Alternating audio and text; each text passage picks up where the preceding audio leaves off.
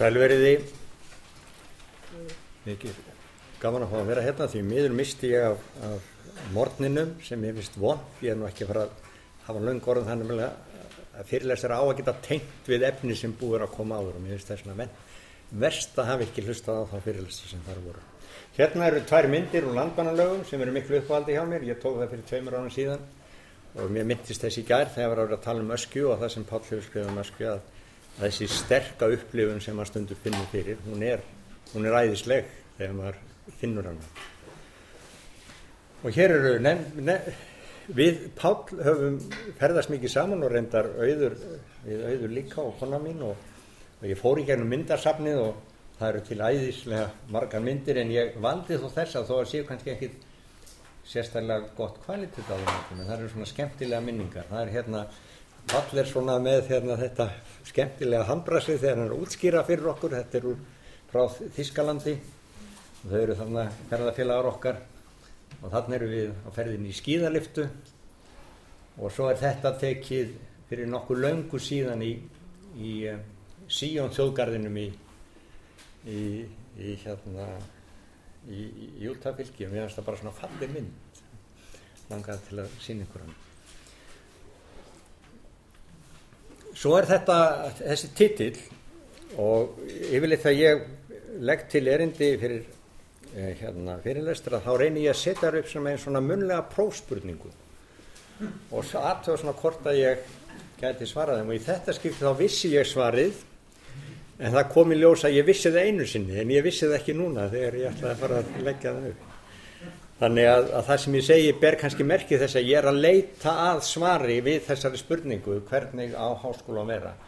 Og ég nefni nokkur atriði sem ég finnst að ég að koma inn í umræðuna og flest af þeim tengjast mjög löngum samræðum okkar páls. Við höfum rætt saman um þetta mál í í mjög langan tíma og flest af því sem ég nefni hefur við rætt e, stundum mikið og annað minna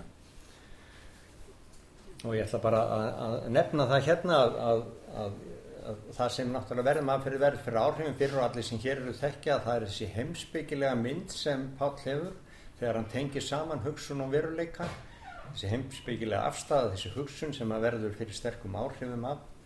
Og meðal annars þegar hann er að ræða háskóla og háskólamál og stjórnum háskóla og þegar hann tekur að sér þó hann hafi verið deildaforsti heimsbyggjadeildar oft sinnis þegar hann tók að sér uh, rektorsempati háskólans þá svona var þessi tilfengið að hann vildi gera það vel, hann vildi skilja í hverju það fælist að reka háskóla, að stjórna háskóla. Og það mótaði mjög mikið hans hugsun allan tíma sem var hann í embati og raunar allan tíð síðan. Þess að hvernig lítur þetta þessi stopnunda fyrir var úr sem hann vildi og ætlaði að stjórna og hvernig hann ætti að gera það? Og þetta kemur auðvitað fram í mörgu sem hann er skrifað og nú síðast í háskólapælingum og bókinni að Critical Universities og reyndar í veganestinu líka það sem eru ræður hans úr, úr hans háskólatíð en auðvitað mjög víða annar staðar. Og ég tek ekki mikið beint frá honum en, en allt sem ég nefni kemur upp úr þessari umræðu. Og eins og ég segi þá er samstarfið Pálum álefni háskólans þar sem mótar hann var hugmyndir um háskólan hvað er þetta fyrirbæri og hver eru aðalsmerki háskólan og hann hafði mikil áhrif á það ég skrifaði bók reyndar á vegum Magna Carta uh, samtakana sem eru stafsitt í Bologna sem hétt Inventing Tomorrow's University. Títilli mótaðan með honum. Og hann var endil ekkit endil á því að háskólan ætti að breytast mikið hann ætti að laga sér samt að hann ætti að lifa í nýjum tíma. Og síðan er svona setni hluti titilsins hann kemur frá mér sem Who is to take the lead og þá ég, hafði ég þessa tilfinningu að háskóla var undir mikill þrís pressu alls þar að úr samfélaginu og það var fullt af aðilum sem ætluði sér að stjórnum ráðskast með hann. En mín tilfinning var að þessi stjórnur ætti að koma innanfrá að háskóla samfélag ætti að taka sjálft fórustu um mótun sín starfs. Og þess vegna langaði mig til að skrifa bók þar sem ég reyndi að rekja um hvað háskóli snýrist, rekja það sögulega og hvað, og hvað væri að gerast og segja svo við háskólamennina þið eigið síðan að sjá til þess að þið ráðið ferðinni.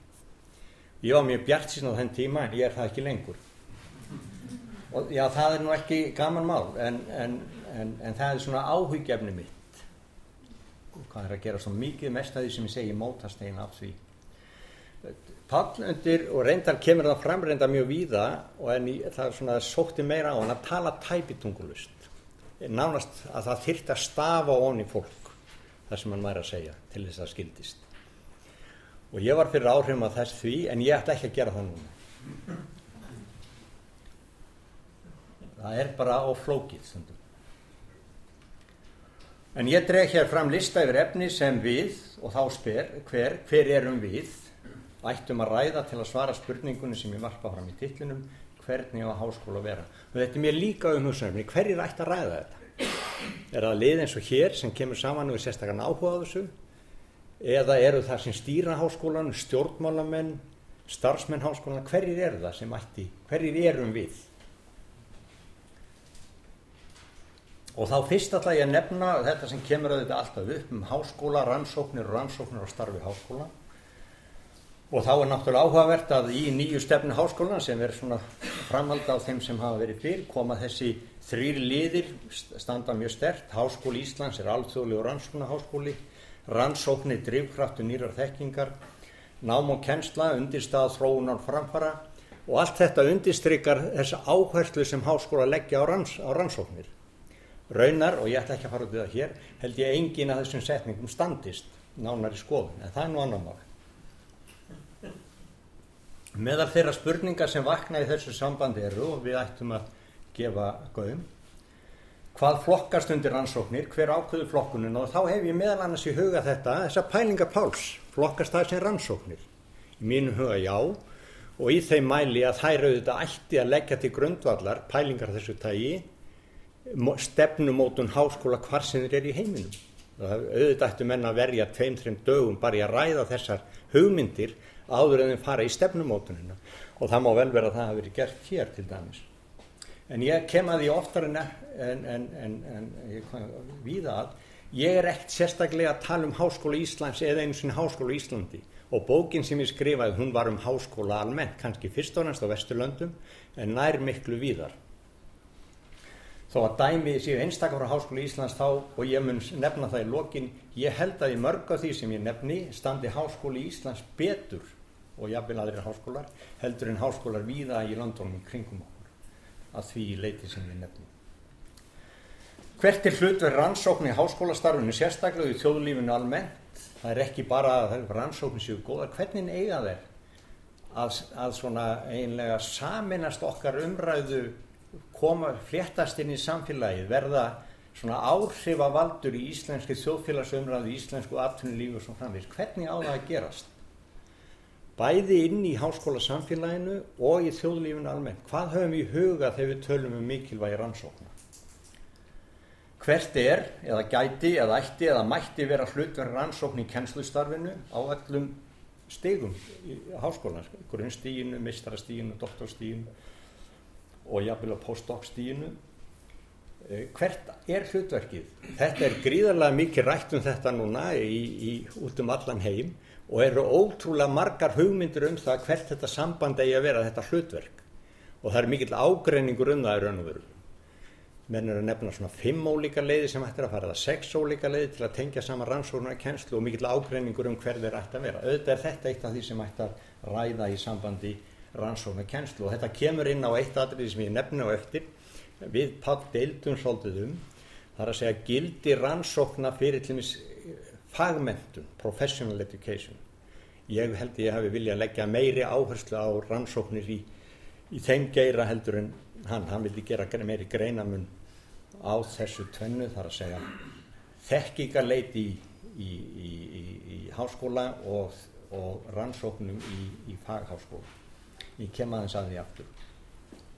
Og síðan hver almennir umræðan um háskóla eru viðfánsefni okkar sér íslensk eh, eða alþjóðlega og ég er neila búin að segja það. Ég held að í ótrúlegu mæli sé umræðan um háskóla nánast eins hvar sem við komum. Og þetta er reyndar umræðum um skólamál almennt. Og svo þetta sem er svolítið uppáhaldið á mér hvaða hlutverki getur rannsóknir gengt í þróun háskólastarf sem sjálfs? Við erum stofnun sem eru ofsal upptekinn að mikilvægi rannsókna, mikilvægi rannsókna til þróunar, til þess að vekja upp nýjar hugmyndir. Og þá kemur spurningin að hvað margir notum við rannsóknir til þess að þróa okkur sjálf? Og það er ferið fram mikil umræð um eðli og hlutverk háskóla um mentun og gildi hennar um rannsóknir um rannsóknir á námi. Meðal annars hefur ég gerð ágætt rannsóknar námi í, í Háskóla Íslands. Á kennslu á stjórnun og stjórnkerfum. Mann eftir því ég hlustaði fyrst á fyrirlestur erlendum um, um, sko, um háskólaráð í Ástralíu þar sem við vorum að tala um hvað háskólaráð þær varu fullkomlega áhuga laus um háskólana og hefðu engan vit, en, ekkert vit á þeim. Þetta var um það leiti sem við vorum að innleiða okkar nýja háskólaráð þvert og í allt sem bæði skinnsemi og rannsóknir sagði, sagði okkur á alþjóðavæningu háskólastarfsins og áhrif þess áhrifum matskerfana bæði innan skólana og síðan þessa rankingkerfa það er til gríðarlega mikla rannsóknir á öllu þessu. Á akademisku frelsi kannski ætti það nú að vera meira en, en, en, en hérna við sjáum. Á stöðu kynjan í akademíni, ég hef verið að setja mig svolítið inn í það, til mikla rannsóknir um það. Og ólíkri stöður fræðigreina sem ég ætla að á eftir en, ég minna um þetta eru bara til mjög mikla rannsóknir og þá spyrjum við að hvaða marki erum að virka þessar rannsóknir í okkar bara lokal umræðu og nú er ekki að tala um bara Háskóla Íslands bara í hvaða háskóla sem er til að þró okkur. Og svarið við því er einfalt. Og hvað er svarið? Við veitum það, ekkert.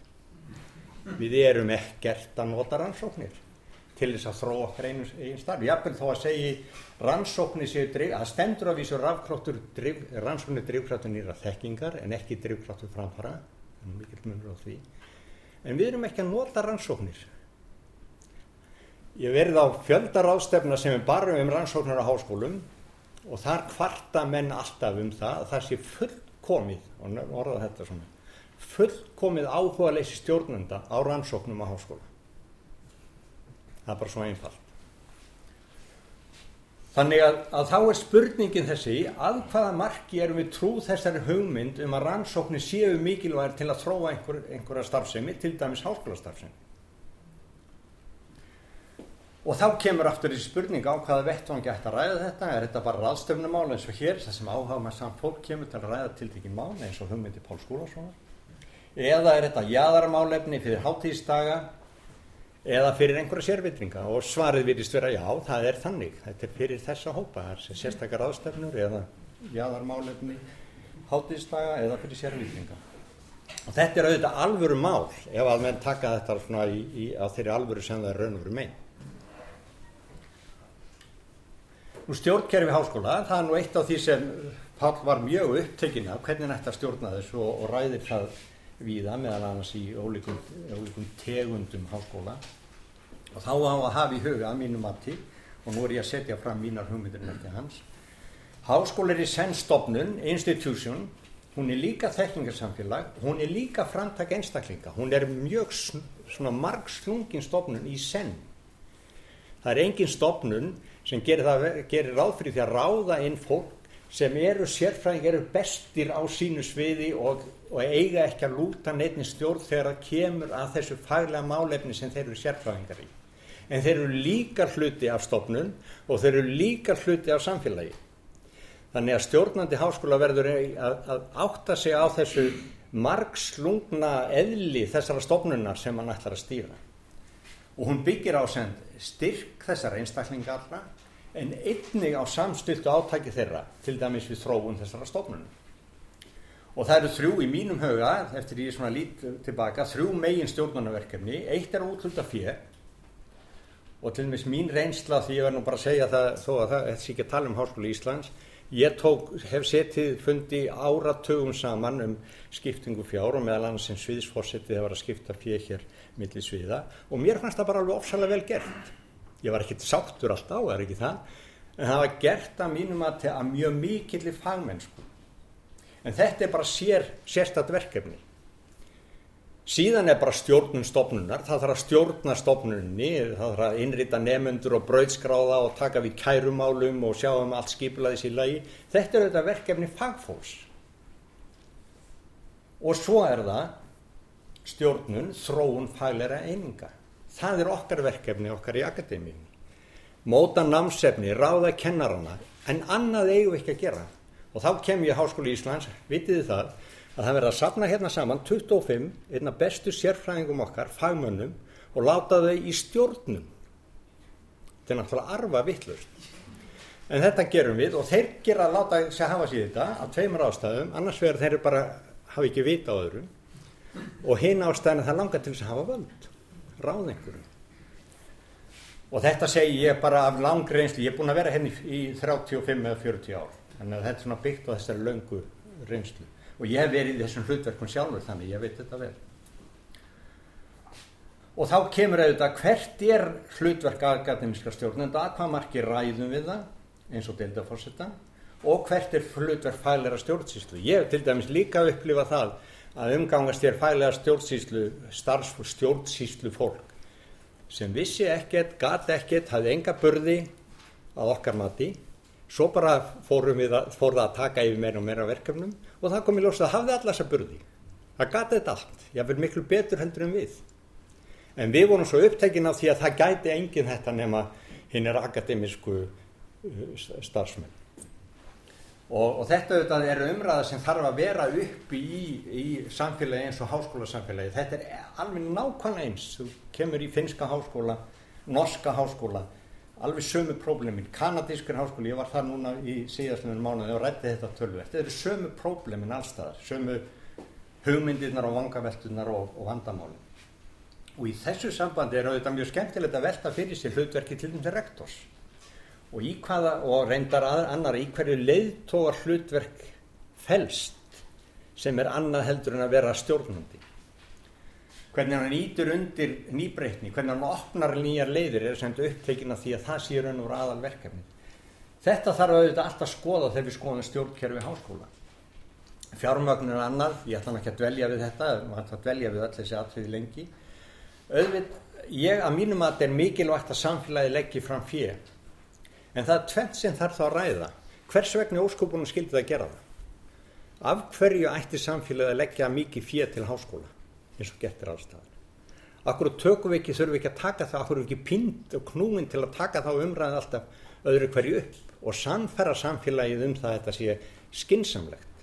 Þessi nátt slegi fram auðvitaður þetta svona og svona en svo er það látið þarfið sitja. Og síðan hver eru ókostir þess að einn aðili eins og ríkisvaldið sjáu okkur fyrir öllu því fér sem við þurfum. Og við þekkjum mörg hver ókosti þess.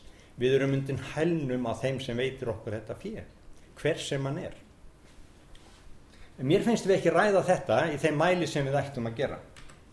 Og svo kemur bónus á kvatakerfið sem Pall átti aðilda og ég átti mikla aðilda í mínum ferli sem, sem stjórnandi hér búa til alls konar bónuskerfi sem eru alveg skelvileg kerfi og, og, og til lengri tíma því að það er ákveðin sangin í þeim það er ákveðin gagseg ákveðin sangin í að nota þau en áhrifin til lengri tíma eru mjög slæm og ég tek hérna mér á betta á þetta um daginn það gamli hérna Demming sem var nú gúru hérna í stjórnunafræðum á 8., 7., 8. og 9. áratögnum skrifa tölvert um þetta alls konar viðmið og svona hvernig þau skemma og eðleggja eins vel mynd og þeirru og hann segir þetta sko bónuskerfi lifta einstaklingum sem einstakling en ekki stopnunni sem þeir eiga að vera líka byggja upp. Og það er hún sem tapar. Og við erum bara að sjá þetta hér bara innan Háskóla Íslands. Þegar spurt er hver vil taka sér stjórnunar hlutverk, leiðtóar hlutverk þá láta einn sér til leiðast að gera það. En þeir eru raun og veru með hugan við annað.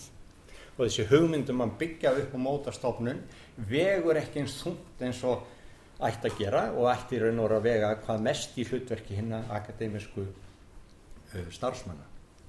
Og þá kemur auðvitað að þessu sem ég vildi líka gætna ræða lengur en hef ekki uh, tíma til og það er um sjálfstæði, í hverju líkur sjálfstæði okkar sem einstaklinga starfseiningarna, að hvaða marki þurfum við að vinna saman erum við háð hvert öðru.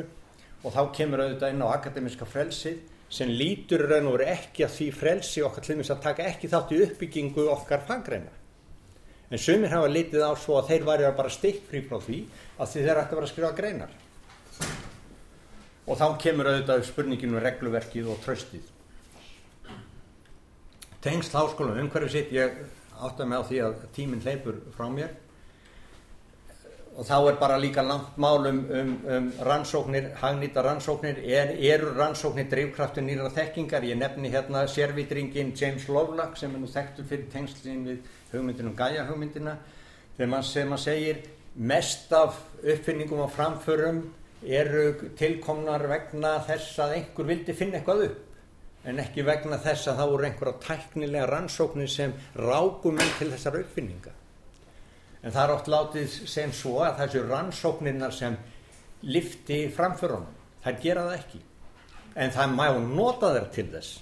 Og þess vegna erum við með alls konar hugmyndir eins og uh, research, sko, vísindagarða triple helix kerfi translational science í læknavísinu þau þekkið þetta sem mót þrjú mót þrjú mót þrjú háskólar sem menn er að búa til aðra tegunda háskólum clearinghouses sem mikið nota í mentavísindunum, what works project, allt er þetta gert búin til á svona kerfi til að reyna að gera sér mat úr rannsóknum af því það gerist ekki sjálfkrafa. En þannig svo sömur talið þannig að þetta bara gerist. Og gildi háskólans fyrir samfélagi ætti að vera miklu miklu meira rætt þar að segja hver eru próflemið eða hvernig gerist þetta og hvernig gerist það ekki. Og við ættum eins og stundum er gert og kemur nú fram í stefnunni hérna, margt mjög gott í þessari stefnu að skapa umræðu, benda á nýja þekkingu, ný sjónarhótt, ný tengsl, nýjar leiðir, hvernig við erum að fara út fyrir ramman, þegar vel lætur, tengja ólíka heima saman. Þetta er að mínum að til mjög veiga mikið hlutverk háskóla, að gera allt þetta. Og eru rannsóknir, rannsóknir hagnýta, rannsóknir eðlisinu flóknar, það eru umdélanlegar, oft misvísandi, vekja fleiri spurningar en þeir svara, kalla því á frekar rannsóknir. Og þetta er bara eðli góðra þekkingarleitar, þannig er hún. Það er ekkit öðru vísi rannsók, hvaða rannsók kallar ekki á fleiri spurningar en svara, við höfum öll hirt þetta. Það er bara þannig. Og það að halda þess getur verið svona tröstur, einn rannsók getur verið tröstur grunnur einhverja sérstaklega framkvæmda er bara miskilningun en hann kemur stundum upp Rannsóknir greina skýra geta varpa ljósa orsakatengsl eru kerfispunnar og gagsæðir eru oft eina leiðin til að hafa fastlandund fótum, þannig er það. Það er bara oft engin önnur leið en það er ekkit endilega alltaf mjög traustlan. Og það eru sem ekki eðlísinu gaglegar eða gagleisar, gagle, gaglegar eða gagleisar, þessum er miskilingur eitthvað sér til sem heiti hangnýta rannsóknir það fer alveg eftir í hvað við gerum við þar fer eftir hugmyndaauðki rannsakenda bæði á þröngu sérsviði og við opna glugga í aðra áttir sem ég ekkert enginn gerir betur heldur en heldur en góð rannsók rannsóknir eru sjálfnast í eðlísinu hagnýtar þó að séu hagnýttar og það er náttúrulega mikill munur á því rannsókn sé hagnýtt eða einhver hagnýtana og fræði og rannsóknir eru nöðsynlega til að skilja fyrirbæri ferli, hugmyndir og stöðu mála. Þær eru oft mikilvægt til þess að fá nýtt sjónarhótt, nýtt samhengi, nýjan skilning, nýja heildarsinn, skiljiði, allt þetta er mjög mikilvægt og ég er ekki engan aftur að draga úr því, en þær eru ekki mjög gaglegar til dæmis til að ákvæða hvert er að stefna, sem sömur halda að það geti sagt okkur. Nú ég ætla ekki að tala þá um stefnu og umræður hlutverk háskólans, eh, það er atriði sem kom aðeins að þessu Sko Humboldt dró háskólam hugmyndina fram úr gömlu fari með því að krefjast þess að starf nefnd og kennara var í samofið. Og mér finnst, því að hugsa um þetta, kannski er þetta eina svona dýnamískustu hugmynduna sem kem, komiðu fram í háskólumræðunni síðast lína þrjár aldir. Sennilega engin betri. Heyriði að það segi, látum, við hórum akademíunar og skólana, látum þetta vinna saman. Búin til samfélag, stúdenta og síðan raukstuður hann það og Pál eh, hefur, er, er, er með þetta í háskólapælingu sínu, bara tilvittnin í Humboldt um þetta aðtriðin mig, sem er að mínum að til eitt af mikilvægasta í nútímanleiri stefnu háskóla það ætti að vera og það er ekki. Og þetta eru háskólarökin, rökin fyrir að hafa háskóla er að draga saman rannsóknir á kennsluna. Og munum að leik, nefnendur í háskólum í Íslandi er harðfullorði fólk. Það er vest að þetta er allt fólk sem er að fá sér prógráður en hvað er það? Og er ekki upptekið af miklu öðru en, en sjáum við þetta sko við slumum bara taka, þetta er bara úr hagstofunni hagstofugónunum og nú eru allir háskólastúndar fullorðið fólku þetta og það er bara nóg að segja það. En yfir 60% er yfir 25 ára aldri þetta er harð fullorðið fólk sem við erum að vinna með en við tölum alltaf undir með svo nefendur og þeir var að tala um mannauð og mannauðsrök eins og hérna í stefnunni. Árangur Háskóla Íslands byggist það en auði sem býr í starfsfólkja nefndum og þá spyr maður hvernig er þessi 13.000 manna auður sem við höfum nýttur sem mannauður? Hann er ekki nýttur. Að því við erum alltaf að láta að taka prófið að vinna verkefni þetta er ekki, við notum ekki háskóla fólk og nú er ég að nota nú, þetta orð varlega notum við sem virkjum ekki þetta lið, þetta öfluga lið sem við höfum til að vinna með okkur. Við kunnum það ekki. En við eigum að því við erum alltaf að læra að kenna sem er allt annað heldur en að læra að virka þetta finnst mér vanta kannski helst inn í til dæmis nútímanlega stefnu háskóla í heiminum og meðal annars háskóla Íslands íhaldsemin, ég nú veit ég að nú ég hef ekki að, að, að fara yfir þetta. Íhald, sko engar stopnannir í þjóðfélaginu eru líklega eins íhaldsamar eða dómskerfið er nú, já, vísu en, en, en háskólakerfið nei, en skólakerfið og háskólakerfið er náttúrulega íhaldsamast af öllum stígunum leikskólakerfið er samt í raun og veru frjálsast. Ég er hérna með tilvitnun í skýslu sem ég rækst á nýlega og finnst ofsalega alvarlega þó að ég vil ekki taka ná alvarlega nema sem dæmi. Það sem sagt er hæglegur skýrsla um stöðu eðlisfræði í bandarskum háskólum þar sem sagt er að námsefnin hefur eiginlega ekki verið skipt út síðan í 50 ár. Sko, hvort sem þetta er rétt eða rátt, þá vekur það til umhugsunar það erum við aðtuga hvað marki við erum að endun í efni sem við erum að nota í öllum greinum. Brian Ussi er með rannsókn á, á hvernig greinar eru skrifaður í vísindagreinar og stuttum álið niðurstaðan svo menn eru alltaf að vitna í mjög þröngan hóp. Það er ekki verið að opna upp. 95% af öllum greinum eru bara í sama farinu og þeir voru í. Þetta er mjög áhugaverð greinum og tæknilega svolítið flókin. En, en þetta eru bara notið sem tvö dæmi til að spyrja spurningarinnar. Erum við að spyrja sjálf okkur hvað er íhald sem við erum í raun? Og nú erum við ekki að tala um kerfið að gildin sem við höfum heldur starfsemina sem við rekum áhrif á skólakerfið, háskólan er ofsalega upptekinn af því, nú er ég að tala um háskóla Íslands. Eða reyndar háskólan að segja við framhaldsskólan að þið verðið að undirbúa undir okkur. Og ég, þegar ég fer í framhaldsskólan að segja guðana bænum hlustið ekki á háskóla. Gerið þið það sem þykku finnst rétt því að háskólan er nógan tíma þessi, þessi fimm eða sjú ára sem hann hefur ykkur til að gera það sem honum sínist gerið þið eitthvað annað? Það er miklu miklu skynnsamlega sumir hlusta en aðrir ekki að það eru mikilvæg hagsmunir í húfi líka inn í framhaldsskólakerfinu. Við erum bundin í hefðir og viðmið, við erum ekki upptekinn að sköpun heldur að vera í hefðunum og búa til rammana og viðmiðin, við erum ekki upptekinn að því að brjótast út úr þessu. Það er til dæmis ekkert í stefnu háskólanum að segja brjótust út úr rammanum, búin til nýjar hefðir, förum út fyrir kassan, ekkert sem segir það beinlinis, kannski má lesa eitthvað þannig og það er ekkert kerfisbundið hugsa til framtíðar. Við kunnum ekki að hugsa til framtíðar. Það er eitt af því sem við kunnum ekki að gera. Þetta er háskóla að gera. Senast ég ætla að fara hérna yfir og segja bara senastu glæran. Hvernig háskóla að vera? Og og ég eins og ég segi, ég held að Háskóli Íslands sé að ymsuleiti betur statur en mjög margir háskóla. Taliði við kollega ykkar í Finnlandi, Pólandi Tjekklandi, nú er ég að nefna dæmi sem ég hef og, og spyrjaði Ungarilandi og, og aðtögi hvernig staðan er þar. Háskóla ætti að virka frjóar hugmyndir rannsakanda á málefnum háskóla til þess að breyta sin eigin starfsemi. Hann ætti auðvitað að gera það. Háskóla ætti að rækta verkaskipting og tröst, stjórnum sömra hluta á verið höndum fælera stjórnenda, annar í höndum akademíkara, sumt í höndum okkur allra, annað í höndum þeirra sem er í leiðandi hlutverki. Háskóla ætla að hvetja til þess að, að gerðir séu nýjir hlutir, farið sér út fyrir ramman í öllu starfinu, hann ætti að rækta fjölbreytni verklagi, hugmyndum, viðmiðum, dæmigerður háskóli gerir það ekki. Og ef ég vísa, ég slefti glæri það sem ég vísi Clark Kerr og, og, og Pall ræður oft um hann, Clark Kerr sagði, háskóli er í raun og verið ekki university heldur multiversity. Hefur ekki eina sál heldur margar. Og mér er að segja að það er mjög diltuna hvort að sumar sálinnar eigi að lifa. Háskóla ætti með ymsum móti að rækta raunverulega og fulla þáttöku nefnd í starfi sinu. Þetta finnst mér vera eitt stærsta verkefni framtíðarinnar fyrir, fyrir góðan háskóla.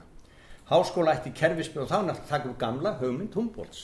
Háskóla ætti kerfispund að leita eftir því og tryggja gaggrinni á tilvörurétt sinn og eigi starf. Vera upptekinn af því að gaggrina sér til þess að bæta sig. Bæði utanfrá og innanfrá og móta þannig framtíð sín. Takk.